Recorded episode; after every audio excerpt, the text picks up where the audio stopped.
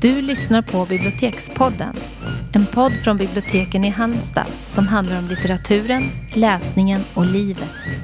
Det som pratar heter Elisabeth Skog och Jeanette Malm.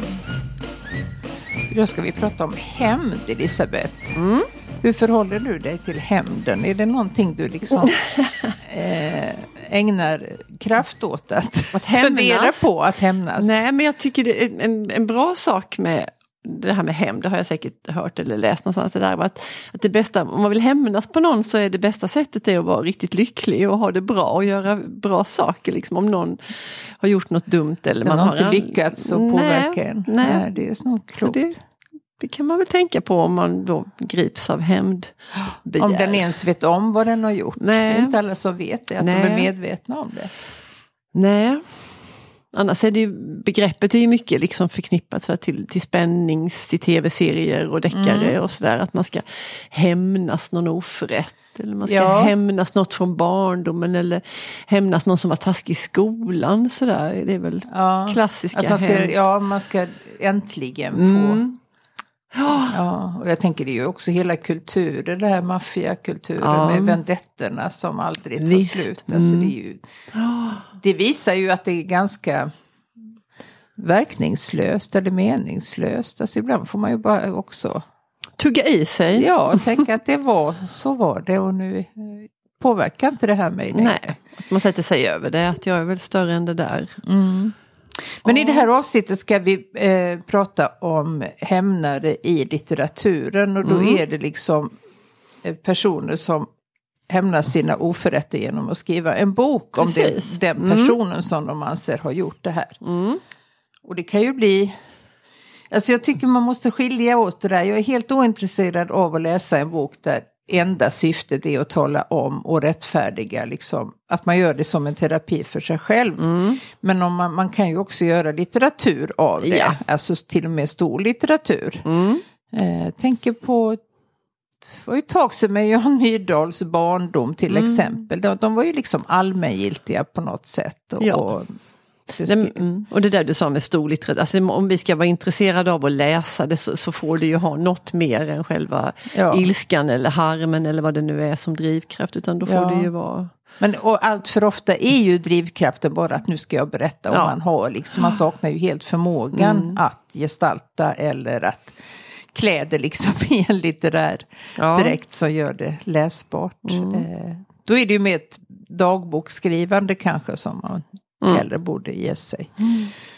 Och de böckerna kommer vi inte att nämna här De i kommer vi podden. inte att Nej. eh, lämna utan här är det faktiskt en litterär kvalitet på samtliga av våra exempel. Absolut. Men du, först innan vi ger oss på hämnden så ska Mm. vi ta veckans, dagens avsnittets ord. Har du något? Det ska vi. Ja, jag fick bläddra och tänka lite. Nej men du, jag fastnade för ett, ett litet ålderdomligt ord. Lekboll. ja, Ja, säger ehm, man det? Ja, man kan, ja, men så att man är liksom en lekboll för ödet eller en lekboll för händelserna. Det är ju Du, nå- jag ska tala om att detta har jag aldrig Du har hört. aldrig hört detta? Nej. Nej, men jag, alltså, i ålderdomlig, äldre litteratur så, Så säger man så det. förekommer det. Ja. Mhm. Jag var tvungen att googla det också innan vi eh, gick in. Och, och jag fick massa förslag på, ja, men så här, le, alltså, Menar du? nej det var sådär bilder Nej. på bollar till hundar, bollar till små barn. Alltså, Okej, man ja. skiljer då på tennisbollar och fotbollar och golfbollar. För de är ju liksom, De det är ju är- allvarliga saker. Ja, och de är bara till för ett enda syfte. Absolut. Lekbollen är Lek- bredare. Ja, mycket bredare och den kan man ha på stranden eller bara kasta lite hipp som happ. Liksom. Men du menar att det började som en liksom överförd eh, Nej, det tror jag inte. Nej, det tror jag inte. Nej, jag tror Nej. tvärtom att det Du har blivit tvärtom. överfört. Sen att det fanns, att man, att man kallade sånt som Ja. barn, små barn lekte med. Ta, hämta nu din lekboll. Liksom. Det tror jag man sa. Men nu, nu så används det ju nästan uteslutande liksom i överförd. Mm. Jag hittade massa artiklar där folk hade skrivit åh hon är som en lekboll för det ena och det andra. Och, och det, det är något, något liksom att viljelöst, motståndslöst liksom dras med i ett förlopp eller i en händelsekedjor. Så, men jag tycker det är skojigt. Ja, jag det tyckte var du blev jätteupplivad när jag sa det. Ja, intressant. Ja. Vad har du för ord idag då? Jag ska prata om sällsam och sällsamt som jag tycker är ett jättevackert ord. Eh, för det är så mycket mer än sällsynt som ju är Ja. ganska näraliggande. Ja. Men i sällsamt så kände jag ett drag av mystik på något sätt. Håller du med mig om det? Absolut. Det är ju mycket, ja det är ju helt Medan annat. sällsynt kan ju vara liksom en, en sällsynt blomma men man vet ju exakt vad blomman är. Och, eller en Ja, fågel eller så. Men med sällsam då är det liksom något lite ogripbart Mm. i det. Och ofta lik- och positivt. Det är starkt Positivt, ja. positivt. Oh, ja. Det var en sällsam helg. Ja. Mm. Mm. Men du, Åter till Eh. händen. åter till händen. Mm. Eh, du har första boken ut där. Första boken, ja och den heter ju då Samtycket, vilket ju inte alls, det är ju inget ord som man omedelbart kopplar till hämnd precis. Men det är en jätte, jätteintressant bok som kom för några år sedan och det var mycket buller och bång när den kom och hon heter Vanessa, nu säger jag Springora. Ja. Det, eh, ni frankofiler behöver inte mejla oss om detta. Eh, Nej. Det stavas i alla fall så när man ska leta upp det så är det mycket bättre att jag säger hur det, att det stavas. Hur det borde hur det uttalas. borde uttalas. Ja. Ehm, mm, och den handlar ju om, alltså hon, det är en, en biografi, alltså det här har ju hänt på riktigt såklart. Mm. Ehm, hon växer upp med sin mamma som jobbar, hon föds in i litteraturen kan man ju säga, den här Vanessa. Alltså, Verkligen. Ja, mamma jobbar på förlag och det kryllar av middagar med författare och liksom litterära agenter och personer i den litterära världen. Ehm, och när hon är 13 år, Vanessa, så ehm, möter hon den här mannen och han heter Gabriel Matsneff. Han är en av de här som mamman umgås med och som figurerar i de här kretsarna. Han är ju väldigt uppburen vid den här tiden. Ja, då är han i 50-årsåldern. Han har gett ut jättemycket böcker och prisbelönt och Ja. uppburen. Man är ju verkligen någon. Ja, verkligen. Eh, och om man då föds in i litteraturen som den här Vanessa gör så är man ju, liksom, då har man ju, är man ju intresserad och hon tänker att Åh, jag vill också bli författare för det är liksom den här världen som hon kände till och som hon lockas av. Mm. Eh, ja, nej men den, den här, det här mötet med den här Mats Neff den mynnar ju alltså ut i eh, sexuella övergrepp på henne. Hon är 13 år när de träffas. Ehm, ja, och sen handlar boken, och hela boken är ju som en hämndakt. Hon namnger ju honom. Och, eller gör hon inte det, men alla Nej, förstår han, ju. Han, Han heter- namnges med sin initial. Ja, men G alla kanske vet, hon bara skriver. Ja, Ja. alla vet ju vem han är och det Ja. har hon ju pratat om i intervjuer också. Mm. Ehm, ja, och det, det de har. Och hon är ju så fruktansvärt utsatt i Ja. den här situationen för han är, han är äldre och han är känd och han erbjuder henne liksom en massa Ja, han hämtar henne i bil och de åker på, när hennes kompisar ska gå hem till varandra och göra läxor eller hänga i någon park eller leka eller vad de ska så, så blir hon hämtad i bil av den här För att åka till något sjaskigt hotellrum Ja. eller till hans lägenhet. Ja. Ja, nej, men jag kommer också ihåg det var väldigt obehagligt för att jag tänker att titeln syftar på det här att hon var ju på något sätt förälskad. Men hon förstod, alltså det var ju också, en, hon förstod ju det här är inte rätt och det här är fel. Men hon kunde, han hade sån makt över henne. Så, och Han hade att ju hon allt. kände skuld för detta medan Mm. vi som läsare fattar ju att hela skulden ligger ju Enbart givetvis hos hos, honom. den här 40 år äldre mannen. Ja, nej men och, det här, och, och allt det här fick ju bara pågå och då ehm, det säger så mycket om, om tiden och det säger Mm. någonting om hennes mamma.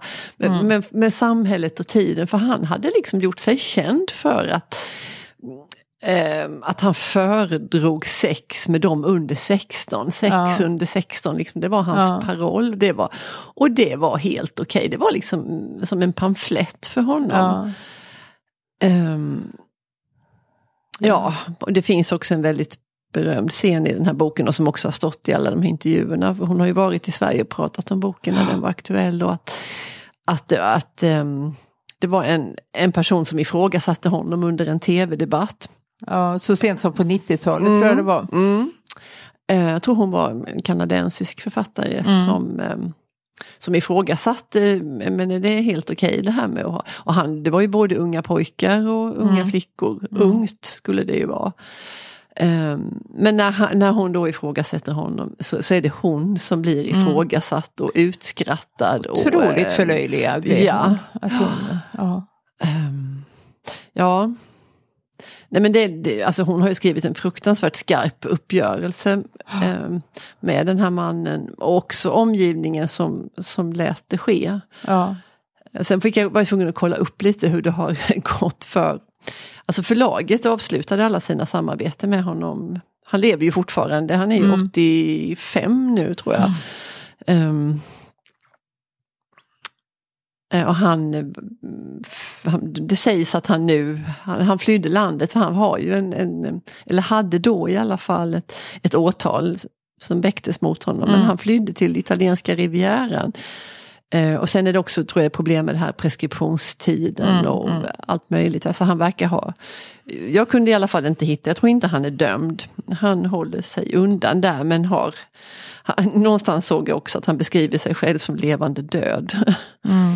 Att han är en icke-person. Ja, det, det är inte mycket att beklaga i det Nej. här fallet. Nej. Det, Verkligen inte. Men hon fick jättestort genomslag med sin bok och Ja. med all rätt. För precis som vi sa innan, i ingressen till det här så är det otroligt välskrivet och det är spännande och det är superintressant och fruktansvärt upprörande. ja, det är så chockerande. Ja. Eh, och just Mm. att tidsandan, att den har ändrats så otroligt mycket. Mm. Väldigt mycket har ju blivit ganska mycket sämre men i det här eh, fallet så måste man ju också applådera det.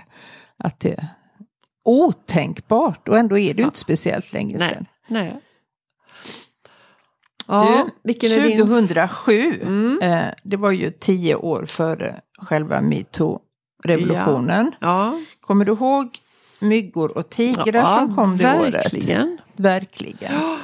Det var Maja Lundgren. Mm. Eh, kommer du ihåg hur man läste boken och hur man liksom pratade om den? Mm, det kommer jag också ihåg. Hon blev ju ganska ifrågasatt och man tvivlade på hennes hälsa. Och, ehm, Mm. ja, det är i stort sett... Ja. Nej men det, det man kan säga nu med facit i hand så var hon ju tio år före Mm. eh, själva revolutionen. Och eh, ingen ville ju lyssna på vad hon sa utan det, hon blev otroligt förlöjligad Mm. också. Mm. Och då eh, anklagad för galenskap. Ja, jag tror jag visst. Eh, Precis. sen hade hon ju vissa paranoida drag som hon sj- själv är den första. Hon skriver ju det till och med i Ja. boken att jag, jag är en känslig person, jag har nära till paranoia. Ja. Men väldigt många av exemplen i boken är ju liksom väldigt konkreta Mm. och eh, hon skriver till och med om kulturprofilen så långt Mm. eh, innan någon Ja. liksom förstod. Men det är då Myggor och tigrar, eh, titeln den syftar på ett citat av Wilhelm Ekelund och han menar att man mer bör frukta de här myggsvärmarnas Mm. angrepp, de här många små sticken. eh, är mycket farligare än tigrarna. Mm. För tigrarna kan man liksom hålla sig undan ifrån. Men myggsvärmarna har man inget skydd. Nej. Så det är en väldigt välfunnen titel. Mm. Och i berättelsen varvar hon också de här exemplen från, och det är också det hon var en av de första att göra, det att hon namnger ju personer Japp. från eh, Sveriges Stockholms kulturelit och det är chefredaktörer. Ja, mycket från Aftonbladet. Mycket, där Mm. hon hade ett förhållande med chefredaktören och blev illa behandlad. Eh, och det är liksom de här förlagsfesterna på Bonniers. Och, Mm det här liksom förminskandet av henne som kvinna och som författare som tar sig otaliga exempel. Mm. Men det handlar också om den italienska camorran, du vet den. Jag vet, jag älskade de partierna. Jag tyckte de var så För det är härliga. så smart att se Ja. eh, att det liksom, strukturerna går igen i Ja. de här två vitt skilda Mm. världarna. Det gör hon supersnyggt. Ja, Och hon är ju en stor författare. Hon har ju fått Augustpriset och Mm. är liksom är ju verkligen eh, litterär så. Men tiden var inte mogen Nej. för myggor och tigrar. Men jag tror att jag är väldigt sugen på att läsa om den och se hur jag själv liksom reagerar idag. Mm. så här långt senare. Mm. För det, det, är så synd att de där, men det, det är också att de här andra lite nojiga grejerna, att de kunde Mm. inte någon redaktör ha för det är också så typiskt att det är de som, de är så Ja. lätta att skratta åt och förlöjliga. Ja. Titta här så skriver hon så här och sen är det ju väldigt liksom sökta, det fattar man ju att det där och- Nej, och då- då- då ju slår att, han, att, han, att rubriksättarna på Aftonbladet kommunicerade med henne och det gav ja. henne dolda eh, liksom meddelanden och sådär. Och det, det fattar ju vi att det såklart inte stämmer. Så, men som du säger så var det ju det man pratade om Ja. och allt det andra liksom fick. Och sånt är så lätt att göra sig lustig över. Exakt. Mm. Ja, nästa hämndebok då.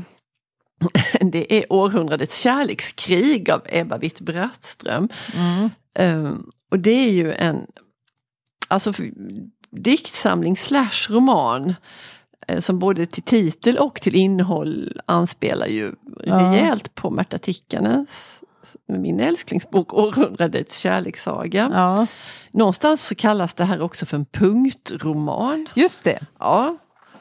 Och det är kortprosa i en liten berättelse. Punktromanen är skriven med få ord men mycket tankar. Den ligger närmare poesin än prosan. Det är inte varje dag man hör begreppet Nej, var, för mig var det helt nytt. Ja. Faktiskt. Ehm, ja, nej men om då Tickanens bok handlar om kärlek trots allt så gör ju inte den här boken det. Och det anger ju titeln också, det är ju ett kärlekskrig med Mm. betoning på krig. Det är liksom stor kärlek som har blivit kamp. Eh, och han i den här boken det är ju Horace Engdahl, Mm. minsann. Och han framstår ju som både elak och missundsam och avundsjuk. Eh, Med lite touch av våldsbenägenhet också. Ja. Ehm, och Vi sen- blev lite ledsna, kommer du ihåg det? Ja. För vi gillade ju Horace. Ja, nu går det här lite ihop för mig vilken ordning allting hände. För det var ju också den här skandalen i akademin. För där fick man Ja, ju... den kom senare. Den kom senare. Ehm, Men det började att naggas här. För Ja, vi tyckte ju ändå att verkligen. han var, han var så ledsen efter skilsmässan. Ja, han ja. skrev en eh, låt. jättegullig visa. Ja, i Babel Ja. om det här. Vi tyckte stackars Horace. Ja, Det tycker vi inte längre det tycker kanske. vi verkligen inte längre. Nej, och den här boken bidrog ju Nej. Mm. som sagt till det. Att bilden tufsades till av den här Ja. boken och det, det förstärktes ju sen sannoliken i akademin. ehm, I det som hände där kring Svenska Mm. akademin och att han sålde ut Sara Danius på ett helt vidrigt sätt och försvarade kulturprofilen. Och jag Ja. vet inte allt stolligt. Han, Nej, han ehm, han var en vivör. ja just det. Han skulle vara för- han var ett ideal för alla unga, män, skulle Ja. se och lära. Ja. Alltså det är ju bortom all begriplighet. Men själva den här boken, alltså jag kommer ihåg att jag läste den med, med jättestort intresse och eh, liksom nyfikenhet och glädje. Och, men den här boken den är ju sprängfylld av litterära referenser och det är väldigt kul för man känner igen en del och man letar i sitt minne och, och sen finns det ju allra längst bak i boken finns det liksom förklaringar och hänvisningar. Ja. Det är mycket som man känner igen. Så det, tycker, det är väldigt fyndigt och smart gjort. Ehm, annars var jag nog i, sanningens namn inte så heltänd på boken som sån. Men det var intressant att läsa den. Och, Ja. ja. ja. Nej men då blir ju det här eh, interna blir ju också allmängiltigt om hon Mm. då liksom har stöd i litteraturhistorien. Absolut, ja. Ehm, Mm. Vad hade vi mer? Jo, Vi hade eh, Felicia Fält och Anna Wahlgren. Mm. Och det här tycker jag är så otroligt beklämmande. Eh, Mm. Om vi nu ska friska upp minnet med om Eh, Anna Wahlgren så var hon ju hela Sveriges liksom supermamma på Ja. 80-talet eh, och lite framåt. Hon har skrivit barnaboken som såg som en bibel och jag vet inte hur många upplagor den har kommit. Jag tror alltså nio, tio Ja, stycken. ja, hon hade här patenterade liksom kurer. metoder och kul. Och metoder och, och allt. Nej, men hon var liksom guru och hon var kritiserad också för vissa saker. Men Mm. Det var ändå liksom den man vände sig till Mm. i barnuppfostran. Och hela den här, hon var ju mycket med i pressen, liksom, hon hade nio barn och hon Mm. var gift sex gånger och det var olika kullar och liksom Mm. så stora delar av tiden levde hon ju också ensam med alla de här barnen och de var så söta och ja, allt det här. Mm. Eh, sen så 2000 sju, åtta kanske, nej jag kommer faktiskt inte ihåg, men för några år sedan så skrev en av hennes döttrar och det var dotter nummer två. Helsyster till då Sara Danius Mm, som vi just det. pratade om alldeles Mm. nyss. För hon är ju, en, hon är ju Anna Wahlgrens äldsta dotter, Mm. eller var hennes dotter. Mm. Hon hette Felicia. Och hon skrev då en bok som hette Felicia försvann. Och det är ju en ganska snygg eh, liksom allusion på dels Det blir Cornelis. det är ju Cornelis eh, låt, men han i sin tur har ju använt den från Axel Sandemoses roman Mm, eh, Varulven, Mm. eh, där Felicia försvinner. Så det är många led i det här. Ja. Men då det är ju en uppgörelse med Anna Wahlgren som mamma och det var ju oerhört stora brister i hemmet. De flyttar, hon har flyttat 18 gånger på 19 år. Eh, hon drog ju med hela barnaskaran till Egypten där det yngsta barnet dog i difteri. Hon var ju ute och festade jättemycket. Barnen fick passa varandra. Det var ganska knalt med maten. Eh, alltså de åt väldigt mycket i skolan för att de fick ganska Lite påver mat och Mm. lite mat hemma för ekonomin räckte inte till. Och att mamma liksom använde sådana metoder för att hålla ihop den här, att hon hot, hotade hela tiden med uteslutning Mm. liksom ur gruppen. Det är det värsta du Det är kan det göra värsta mot som... ett barn. Mm. Eh, och detta skriver då Felicia Fält om i eh, Försvann. Och då kan man ju tycka, som vi har pratat om tidigare, Mm. att barn får skriva så här om sina föräldrar. Men föräldrar får aldrig någonsin göra detsamma Nej. mot sina barn. Och så är det bara, vi behöver inte förklara varför. Utan så, det, är, det är ett faktum. Mm. Men detta eh, lyder ju inte Anna Wahlgren utan hon skriver ju inte bara en utan två böcker där hon Oj, faktiskt hon går skrev till. två. Mm. Ja. För det, det, det har ju varit en brytning mellan de här Mm. två i många år, även innan boken kom ut då. Eh, och det, hon, hon behöver bearbeta det här för det här påverkar hennes, liksom hon för med sig de här mönstret till sina egna barn och så hon känner liksom jag måste bara få komma vidare och sätta Mm. punkt för det. Så hennes bevekelsegrund, det, det, det är, tvivlar vi inte på. Och det är en väldigt välskriven bok också. Men Anna Wahlgren skriver först Sanning och konsekvens där hon gör heder och ära och hånar sin dotter. Nej, liksom, fy, usch. för de här minnena och så var det inte alls. Hon Åh. gör det till någon form av rättegång och räknar upp liksom anklagelsepunkter Ja. och motsäger dem på ett jätteelakt sätt. Mm. Eh, Nej, sen- fy. Ja, det är hemskt. Ja, det låter Sen jättehemskt. kom hon förra året, 2021, med en, någon form av liksom summering av sitt författarliv. Ja. Eh, som heter Livstycken. Och där är ett helt avsnitt som handlar om Felicia. Och gissa vad det här avsnittet heter, det är så hemskt. Nej men säg. Hittepå flickan. Nej. Och hon Men, ja. kallar henne FF eh, i den här Ah. texten. Och boken då som hon skrev, den kallar hon Fulboken. Mm. Och hon förlöjligar henne och hånar hennes yrkesval och saker hon har sagt och jämför henne med den här Sara som är ju satt på en väldig Mm. piedestal. ja, då. det är klart. Och bara, alltså utan att veta ett ord om vem som har rätt Mm. eller vad som Nej. är sant så förstår man ju genom det här sättet Mm. att ge igen mot sin egen dotter att Mm. Det, det, allting som Felicia säger är ju sant. Kanske inte på detaljnivå men Nej. liksom själva kärnan det är ju ingen tvekan om. Nej. För man bemöter inte. Nej. Eh, ett barn på det här Nej, sättet. men hon låter ju som en psykopat faktiskt. I det Faktiskt här. gör det ja. det. Eh, och att hon är så, hon kan vara så otroligt empatisk och Mm. kärleksfull och allt det här men det är hela tiden liksom på, hennes, villkor. Ja, det fattar Allting man är på hennes Ja. villkor. Och precis det där när någonting blir ifrågasatt. Eller att, Mm. att gå till sån stark attack då. Det, det måste ju vara det farligaste som kan hända henne eftersom hon... Och hör ni här vad hon säger och så här skriver hon. Mm. Och, alltså, ja, det, är, det är smärtsamt Ja. faktiskt. Och inte kunna se det där då att vem faller det där tillbaka på? Nej, nej det kan, hon är helt oförmögen till det. Mm. Man kan också fråga sig nyttan Nej, av att publicera det där faktiskt. Mm. Ehm, Ja, eh, från hennes sida är det ju glasklart för att hon tror ju att hon ger sig själv upprättelse. För att hon blev så oerhört illa åtgången då, anser hon ju.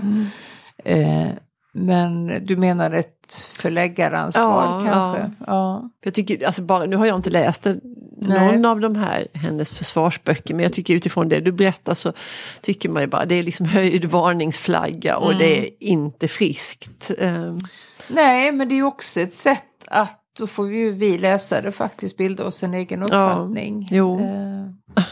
Eh, och jag är, det är kanske inte rätt att censurera. Hon är ju inte galen liksom kliniskt Nej. så att- nej. Ja, nej, det där är ju... det är lite svårt.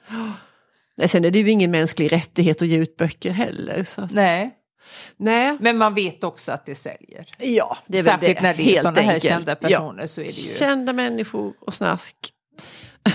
Ja. Ja, nej men intressant. Men du, eh, vi får begrunda detta och så stänger vi Hämndebutiken för idag. Så vi. återkommer vi en annan Ja. gång. Ja, Hej då. hej då!